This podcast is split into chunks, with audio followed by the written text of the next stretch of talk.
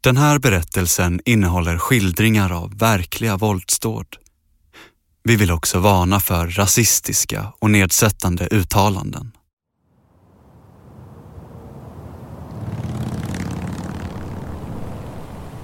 Norra Hammarbyhamnen i Stockholm. Det är en ruffig plats på Södermalms baksida.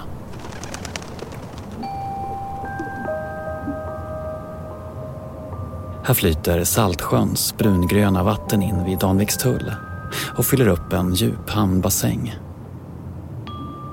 Det fanns en tid då fartyg la till här och hamnarbetarna lossade lasten av ved, betong, koks och kol. Men det var ett tag sedan.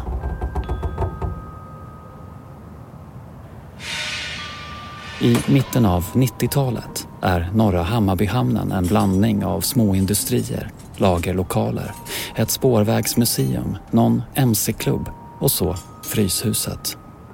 Det är en enorm vit byggnad som tidigare använts till partihandel av kött men som byggts om till gigantisk fritidsgård för Stockholmsungdomar. Där inne finns replokaler, gym, basketplaner, skatehall, en högstadieskola med mera. Framför det stora vita fryshuset står en annan, mindre byggnad i rött tegel. En fornnordisk odalruna markerar entrén till det som fungerar som klubblokal för en särskilt uppmärksammad grupp människor. Skinnskallarna. Fan, jag har gjort det mesta i den här lokalen alltså. Jag super skallen av mig. Jag har sovit här. Jag har pippat här. Jag fan, säg det jag inte har gjort här.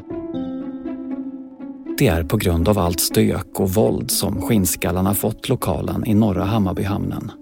Tanken är att de ska hålla sig borta från stan. Här är liksom inga jävla... jävla invandrare. Skinnskalleverksamheten på Fryshuset får under flera år pengar från Stockholms stad. En skattefinansierad fristad för skinheads. Inga negrer, inga svarta och inga jävla journalister. Det klottret står vid skinheads-ingången på Fryshuset. Skinheads har varit inblandade i flera allvarliga våldsdåd senaste tiden. Och nu kommer krav att politikerna ska dra in det kommunala stödet.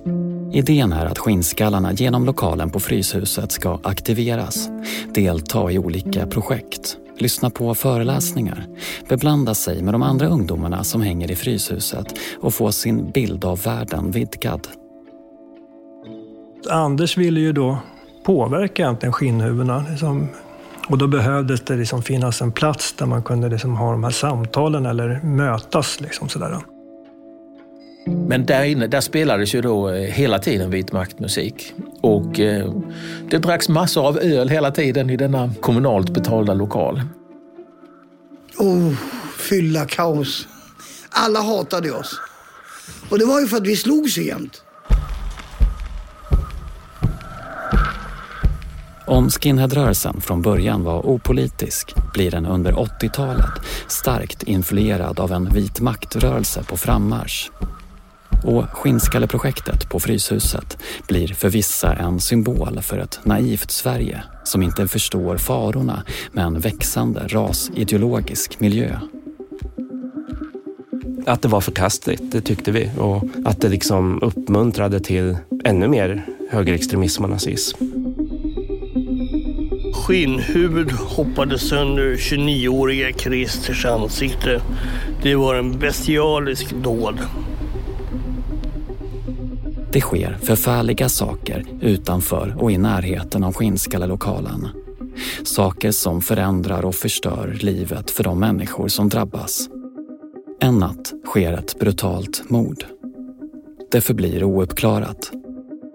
Och jag har ju, jag har ju alltid känt någonstans att Anders, vis, Anders visste vilka som, vilka som var hans gärningsmän. Jag tror att han blev lurad dit, helt enkelt. Det här är en berättelse om ett mörkt decennium i Sverige präglat av våld och rasism.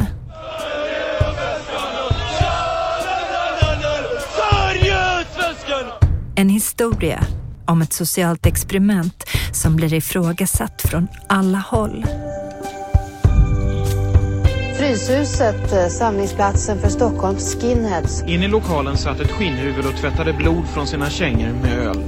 Om en man som öppnade dörren för dem som ingen annan orkade med. Och så förstås Anders Karlberg, mannen som alltid står på skinnhuvudenas sida.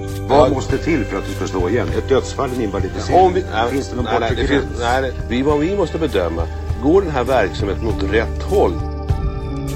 Third Ear Studio presenterar Skuggland, skinnskallar och benhuvuden. En dokumentär i sex delar av Arvid Hallberg. Avsnitt 1, 1986.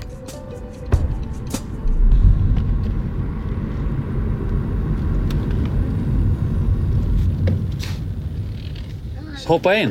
Tjena, tjena. Så länge jag knät. Och så här ser man ut när man bor på landet. Det är hundhår och... Eh, Katthår. katthår, okej. Och eh, målarfärg. Ja. Med hår och färg på tröjan sätter sig Göran Johansson i passagerarsätet. Han närmar sig 60 och har levt ett rätt hårt liv. Rakt upp.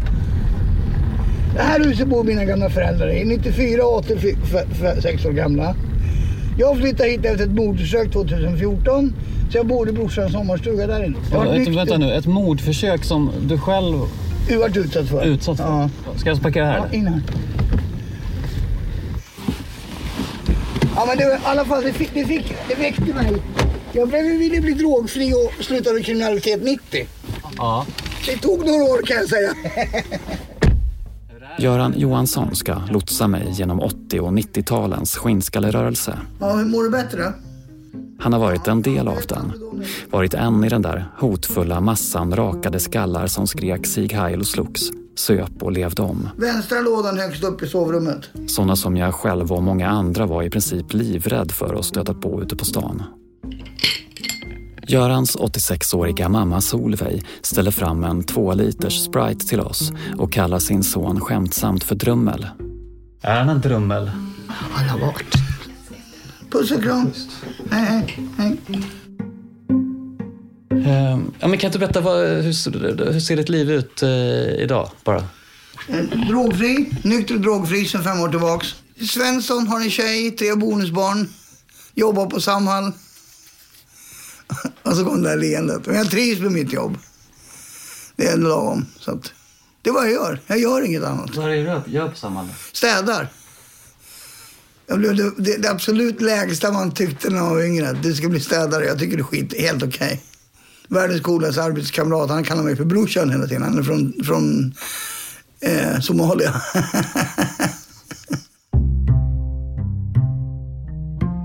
Göran Johansson föds 1965 och växer upp i Nynäshamn.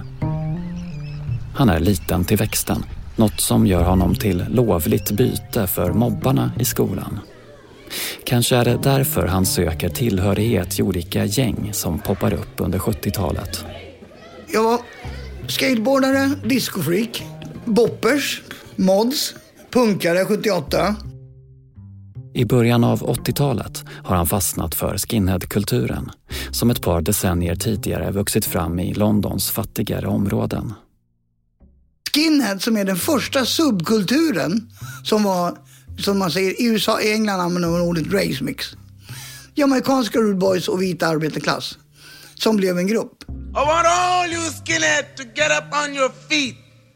Put your braces together and your boots on your feet. Den tidiga brittiska skinheadrörelsen som växte fram under 60-talet blev ett alternativ för de som inte kände sig hemma i den samtida medelklassdominerade hippierörelsen. I kvarter som East End i London fann den andra generationens karibiska invandrare och vita arbetarungar en gemenskap i den ekonomiska och sociala utsattheten de delade. Braces and boots, hängslen och kängor blev utmärkande för stilen och musiken som gällde från början var ska och reggae. Hemma i Nynäshamn, när Göran är i mitten av tonåren, börjar han klä upp sig till skinhead när han lämnar föräldrahemmet och tar pendeltåget in till Stockholm. Sen åkte jag in, hade jag kort, en sån här kort mohikan och hade pappas militärkängor, eh, en grön jacka med reggae-färgerna på ryggen. För det var det som var skinhead från början. Vi hade ju reggae-färgerna. Vi gillar ju ska och reggae. Om det finns ett specifikt tillfälle när Göran Johansson helt går in i skinheadkulturen så är det en kväll där i början av 80-talet. Med kängorna och mohikanen är han på en spelning på Gröna Lund. Då var det bråk där. Och uh, jag var ju en liten mobbad kille. Jag var skitliten. Jag fick ju stryk av alla. Jag fick av tjejerna i skolan. Då är det någon stor kille som bara greppar mitt huvud så här. Och jag bara tittar upp. Stå bakom mig så är det lugnt grabben. Då är det inte de här gamla skinsen. Jag kommer inte ihåg om det var Lasse Skåning eller de här. Eh, det var ett gäng på 18-20 stycken killar som... De var verkligen så här working class killar. De slogs, levde rövare, de höll inte på med politik. Man tränade, man jobbade, man gick ut och drack bira på helgen.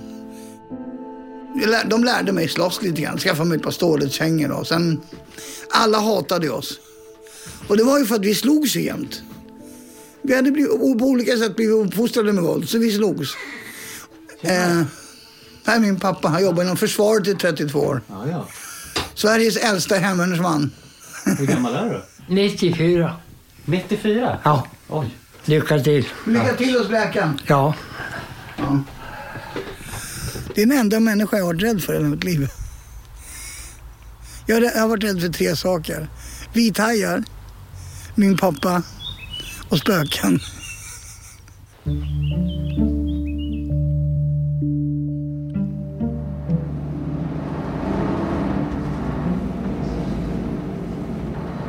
Vi åker buss till Eastham, ett av Londons trista förortsområden. Ett vanligt arbetarområde. Vi åker för att träffa skinheads, vita arbetarungdomar, fotbollsentusiaster som gillar den våldsamma oj-musiken. Och när vi närmar oss East Ham så ser vi slagord på väggarna. This is white man's land och Keep Britain White. I England domineras skinheadrörelsen i slutet av 70-talet av rasistiska skinnskallar. Och partier som nazistiska British Movement och fascistiska National Front börjar aktivt knyta till sig skinheads. Det som framförallt har kommit i förgrunden är deras oförsonliga rasism. I Sveriges Radios program Kanalen träffar reportrarna i slutet av 1981 på ett gäng skinnhuvuden som ger sin syn på invandrare. Blacks, packies. We don't like blacks or packies. Well, they don't like us, so why should we like them? I mean, they come over here, you know, take all the jobs I mean, in it. if you go round East Ham now, nearly every shop is owned by a packie. Vi gillar inte svarta och packis och de gillar inte oss. Så varför skulle vi gilla dem? De kommer hit och tar alla jobb. De märker kanske att vi reagerar, att vi blir upprörda över deras rasistiska tankar. Kanske är det därför, för showens skull, som de är beredda på att bre på lite extra. När vi frågar vad de vill göra med invandrarna har de inte annat att föreslå än sånt som ska få oss att häpna. Blow them up. It's the only way to stop it. Spräng dem i luften, det enda sättet att stoppa det. White power, one, two, three, four! Oj-punkbandet Screwdriver får i England en särskild betydelse för skinnskallerörelsen. Sångaren Ian Stewart blir snabbt frontfigur i den brittiska vitmaktmiljön och musiken ett rasideologiskt soundtrack för tusentals skinheads, inte bara i England utan över hela Europa, inte minst i Skandinavien och i Sverige. Vitmaktbandet kommer göra två spelningar här, bland annat i Medborgarhuset mitt på Södermalm i Stockholm. På plats är då Göran Johansson. Jag var bara dyngrak. Och sen stängde polisen ner allting. Och då skulle vi gå ut och slåss. Så jag minns att jag fick ganska mycket stryk den kvällen. Screwdriver var så stora. Och jag gillar dem än idag. De var fruktansvärt trevliga. Eh, I början var de inte nazister. De var inte nazister. De gjorde låtar som One, two, three, four, I don't like you. Ja. ehm, Men och sen, sen blev han ju in, djupt involverad. ja, ja, ja. Men då vill du fortsätta lyssna på... De som, vi, vi spelade den musiken. Och det fanns ingenting att göra. Det var, man, man åkte dit för att kul. Bandet var bra, det var ett bra rockband. Hade texterna varit annorlunda hade de kunnat bli jätte, jättestora. Eh, men tidens tempo. Screwdrivers spelning är väldokumenterad. Flera bilder därifrån finns i en fotobok som har kultstatus i skinnskallemiljön i Sverige. Det är fotografen P.O. Sennås bok Skinheads från 1988. Göran Johansson hämtar ett tummat och fuktskadat exemplar. Mycket döda människor med i den här bilden. Den här boken. Jag ska se om jag hittar den här. Han vill visa att just han inte heilar där han står längst fram vid scenen. Här, heilar med vänster hand till och med. Runt omkring honom sträcker skinnhuven ut sina armar i Hitlerhälsningar. Göran håller upp en knytnäve. Ja, och knyter näven. Jag, jag, jag ville visa var jag stod någonstans. Vad, tänkte du så då? Du ville inte... Jag har aldrig varit, jag har varit nazist när jag har mått dåligt. Jag har inte varit nazist när jag mått dåligt. Jag har eh, hatat när jag har mått dåligt. Jag har aldrig varit politiskt engagerad. Den nationalsocialistiska läraren hade stoppat mig i en gasugn. Mormor var resande. Eh, och pappas släkt är från Polen, Pommern och Estland. Det finns judiska inslag. ja, du vet. Så att jag hade inte klarat mig länge. det är som piper i min kol om ni undrar. En kort grej innan vi fortsätter. Den här serien kommer gå att lyssna på gratis. Varje vecka släpper vi ett nytt avsnitt. Men du kan också välja att lyssna på hela serien på en gång, utan reklam. För 49 kronor i månaden så får du full tillgång till den här podden och alla andra program som vi gör här på Third Air Studio. Gå in på thirdairstudio.com eller läs mer i avsnittsbeskrivningen. Nu fortsätter vi. I Södertälje söder om Stockholm finns i mitten av 80-talet ett gäng tongivande personer inom den svenska vitmaktrörelsen. De ger ut ett fanzine, Street Fight, som presenterar sig som en patriotisk skinhead-tidning som stöder den vita nationella revolutionen. I ett av de nummer som kommer ut under 1986 slår redaktionen fast att skinheadfronten är starkare än någonsin och uppmanar alla att kämpa på gator och torg för vit överlevnad och vit seger. Och under året ska skinheadrörelsen radikaliseras i Sverige efter att två unga killar misshandlats till döds. Den första dödsmisshandeln sker på midsommarafton.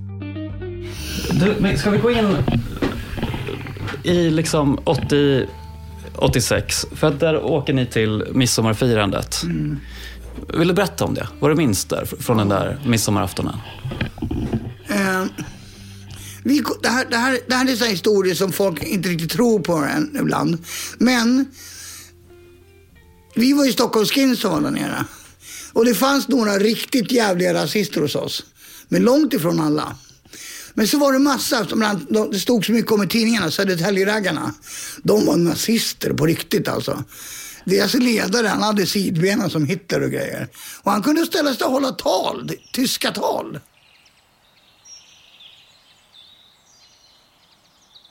Nixtabadet i Nynäshamn består av ett stort gräsfält och en sandstrand. Här finns grillplatser och gungställningar, en kiosk, tältområde och en fotbollsplan. En match pågår där den här midsommaraftonen den 21 juni 1986. Det ena laget utgörs av skinheads och punkare från Stockholm och det andra nazisterna från Södertälje. Och de bröt benet av en av våra killar. så att, eh, och det var mycket Sieg Heil och sånt där. Men eh, det var provokativt. Och sen är det en chilenafamilj som kommer ner. Och där är vi ungefär 150 skinheads, 200 nassar.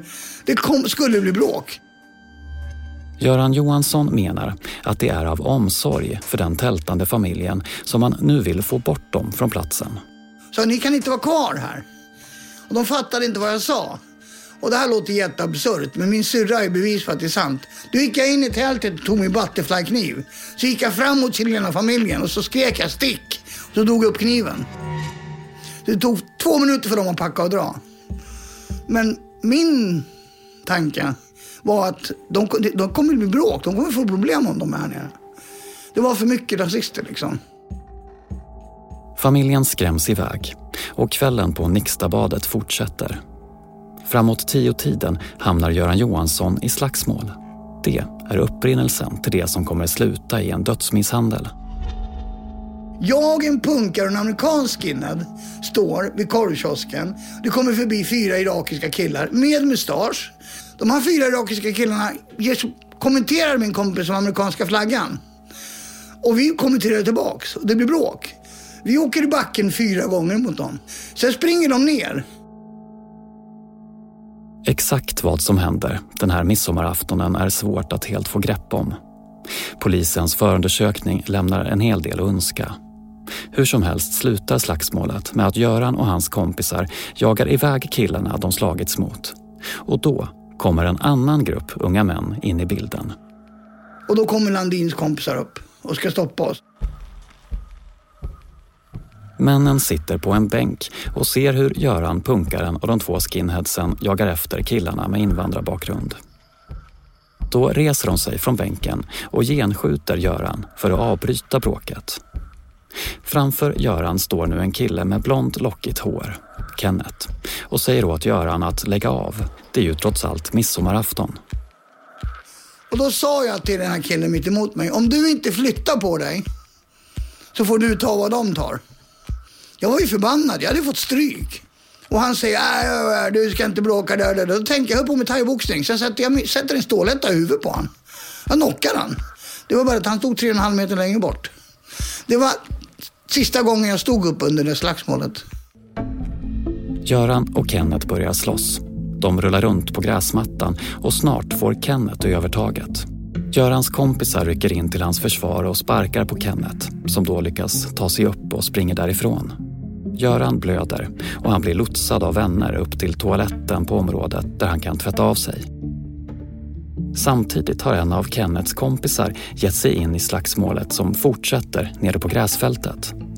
Kompisen är den då 21-årige Ronny Landin. Och vad som händer nu är återigen mycket svårt att med hjälp av polisens dokument riktigt förstå. Men Ronny Landin hamnar snart på gräset och får liggandes motta sparkar från Görans skinnskallekompisar. Från andra sidan gräsfältet kommer en ung man i boxarskor springandes mot slagsmålet. Längs vägen plockar han upp en tom glasflaska och när han kommer fram till den liggande Ronny Landin börjar han slå flera slag, kanske så många som fem, mot Ronnys oskyddade huvud. De inblandade försvinner. Ronny Landin ligger kvar. Och efter en stund kommer ambulans till platsen. Vid tretiden på midsommardagen dödförklaras Ronny Landin på sjukhus. Våldsdådet får ett politiskt efterskalv. Vi har samlats här ikväll för att försöka göra allt vad vi kan så att Ronny Landin inte fick betala förgäves. Eftersom att flera av de misstänkta gärningsmännen är skinnskallar blir Ronny Landin en symbol. En antirasist som vågade stå upp mot ett gäng rasistiska skinheads. En minnesceremoni för Ronny hålls på Sergels torg i Stockholm. Vi inleder en tyst minut för Ronny Landin nu. På den här campingplatsen i Nynäshamn söder om Stockholm dog en 21-årig man på midsommaraftonen. Och idag vallades fem skinheads på brottsplatsen. De är åtalade för att ha misshandlat 21-åringen. Tre av skinheadsen har enligt åtalet sparkat offret i huvudet och slagit honom med en flaska så att han dog. Göran Johansson döms till fyra månaders fängelse för misshandel av Ronny Landins kompis Kenneth. De tre andra som var med Göran den där kvällen döms till fängelse i mellan sex och åtta år för dråp. Hemma hos en av de dömda finns mängder med nazistiska föremål. Flaggor, tygmärken, pins med hakkors, en SS-hjälm och affischer med olika rasistiska budskap. Polisens fotografier av lägenheten ger intrycket av att här bor en övertygad nationalsocialist.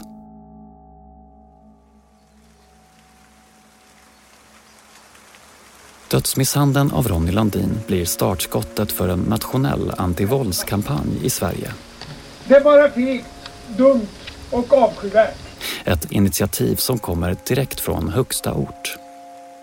Min uppfattning är att vi måste gå samman och visa att vi är en stor och överväldigande majoritet som inte accepterar våldet som förekommer runt omkring oss. Två månader efter Ronny Landins död håller statsminister Ingvar Carlsson ett sommartal i sin hemkommun Tyresö utanför Stockholm. Iklädd gummistövlar som skydd mot augustiregnet presenterar han sin idé. En folkrörelse mot våld. Ingvar Carlsson har bara varit statsminister i ett halvår efter att Olof Palme skjutits till döds på Sveavägen. Jag vill alltså uppmana till en bred kampanj mot våldet i samhället. Och vårt motto ska vara Nej till våldet. Nej till våldet. För att förstå statsministerns breda paroll måste man också förstå att det sedan några år tillbaka pågår en debatt om att Sverige drabbats av ett allt grövre gatuvåld, eller ungdomsvåld som det också heter vid den här tiden. Frågan om våldet står högt på agendan och det kunde till exempel låta så här i nyhetssändningarna. Våldet och misshandeln har ju ändrat karaktär. Gamla knytnävsslagsmål har bytts ut mot rena skolan i misshandel. Till exempel genom karatesparkar. SVT Rapports reporter går en sommardag 1986 ner till Kungsträdgården i Stockholm för att prata med två slagskämpar om den nya våldsamma tiden. En av dem som intervjuas är en ung Paolo Roberto. Är det status? Är det inne på något vis att kunna göra en bra spark? Ja, det är Hur har det blivit så då? Jag vet inte. Det är, det är ballt att slåss och det är ballt att slåss snyggt. Det är också ballt att slåss brutalt. Vid den här tiden är stöket i Kungsträdgården ofta i nyhetssändningarna. Kungsankravallerna året innan finns färskt i minnet då tusentals ungdomar kastade sten och slogs mot poliser utrustade med hjälmar, sköldar och batonger. Och det är en spänd stämning mellan ungdomar i olika subkulturella gäng. Hur är en punkare? Sig själv. Försöker vara sig själv. Ur Sveriges Radio 1986. Men vilka retar sig på det då? Alla. Invandrarna springer fram till oss och säger jävla skinheads och så slår de oss. Och skinsen kommer och säger jävla punkare, ni hänger med invandrarna så får de så slår de oss. Och vi är ju inte sådana som går runt och slåss. Så att det är vi som får ta emot all stryk men vi går aldrig ut och slåss. Vad tycker du om invandrare då? Ja, jag tycker det. De får vara här. Men jag retar mig på de invandrare som springer omkring och säger att det här är vårat land. Så länge de fattar att de är lika mycket värda som alla andra, va? då är det okej. Okay. Då får de komma hit hur många de vill. Vi ungdomar var ju uppdelade då i musikgrupperingar. Då hade ju liksom syntarna, rastas, skinnskallarna givetvis, mods, hårdrockarna. Jag var ju hårdrockare från början. Bland de tusentals ungdomar som hänger i Kungsträdgården i mitten av 80-talet finns Roger Tikualu. Jag var aldrig en slagskämpe. Jag höll på med viss kriminalitet, det, det, gjorde man ju. Men det var liksom inte slåss, inte våldet, det var inte min grej. Roger Tikualu från Lidingö åker in till stan. Han tillhör värstingarna och har en brådmogen stil som gör att han sticker ut. På den tiden gick jag alltid kavaj och slips och attachéväska, hur töntigt det än låter, med konstiga grejer i. Uh, och då blev. Vad hade du i väskan? Nej, oftast var det vapen eller annat skit. På den tiden så, så var ju lagarna och annorlunda så att det var ju så enkelt att köpa startrevolver. Du behövde vara 18. Och de var bara pluggade. Tog du bort pluggen så var det en 22 mm fullt funktionell pistol. Eller revolver i det här fallet. Roger faller aldrig ner i någon grövre kriminalitet. Tvärtom. Han blir en del av en antivåldsgrupp. Non-Fighting Generation som kommit till på initiativ av en polis. Roger och några till har pekats ut som tongivande figurer i Kungsan och nu blir istället deras uppgift att gå emellan och prata folk till rätta när det hettar till. Vet du, när vi var väl 15-16, vi var ju superkaxiga. Vi bara, äh, men du vet, vi, vi ser till alla. Bara, inget våld, då blir det så. Så vi tyckte det var lite coolt ändå att polisen på något sätt behövde vår hjälp.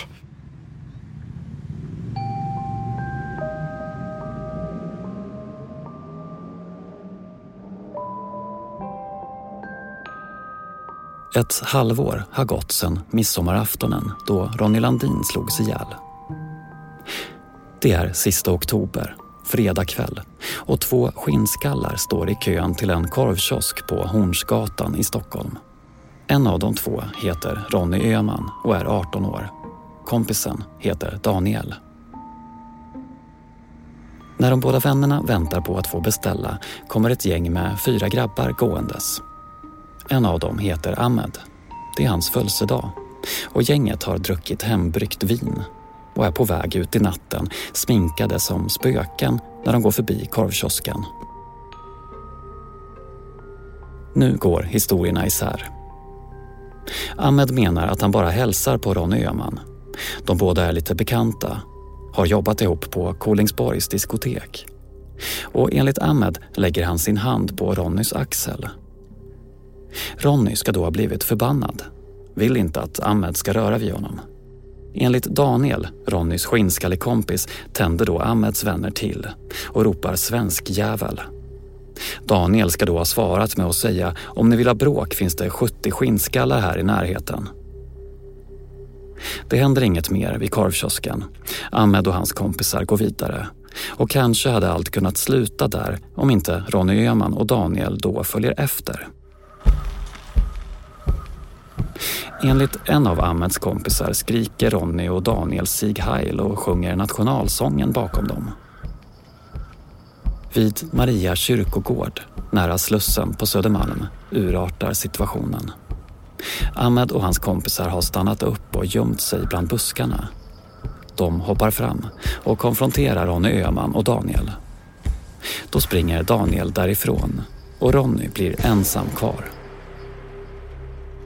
En av killarna svingar sitt läderskärp med metallspänne mot Ronny Öhman som träffas och faller till marken. Där blir han sparkad flera gånger i huvudet. Han får en flaska kastad på sig och två stora batterier till en transistorradio som en av killarna burit på. Ronny Öhman lämnas liggandes på kyrkogården i den kyliga oktobernatten. Han hittas först morgonen därpå då en läkare från sin balkong ser in på kyrkogården och upptäcker den livlösa kroppen som ligger där. 18-årige skinnskallen Ronny Öhman förklaras död på platsen. Tre av de ungdomar som den sista oktober i år misshandlade Ronny Öhman till döds på Maria kyrkogård i Stockholm dömdes idag av Stockholms tingsrätt till fängelse på mellan fyra och fem år. De dömdes bland annat för dråp. Ahmed och två av hans kompisar döms till långa fängelsestraff för den brutala dödsmisshandeln. Men hovrätten mildrar straffen avsevärt med hänsyn till gärningsmännens låga ålder. Vid tiden för brottet var två av dem 17 och en 16. Påföljden blir istället ungdomsvård i socialtjänstens regi. De fick en löjliga straff. Tio månader på familjehem för att ha mördat någon. Det är inte bara Göran Johansson som reagerar på domen. I skinnskallekretsar blir de olika straffen ett bevis för att skinheads straffas hårdare än ungdomar med invandrarbakgrund som döms till vård istället för fängelse. Det man uppfattar som en djup orättvisa skapar vred och frustration hos skinnskallarna. De kommer svetsas samman och leda till ännu extremare grupperingar och åsikter. När året 1986 närmar sig sitt slut har två unga män dödats. Och de blir båda symboler. Ronny Landin, en hjälte i den antirasistiska rörelsen. Ronny Öhman, en martyr i en framväxande högerextrem skinnskallerörelse.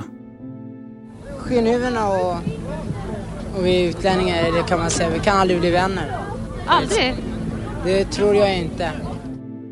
Det har på kort tid skett en skrämmande våldsutveckling i Stockholmsregionen. Och den ser bara ut att bli värre. Vad beror det på då? Ja, de eh, hatar oss och vi hatar dem.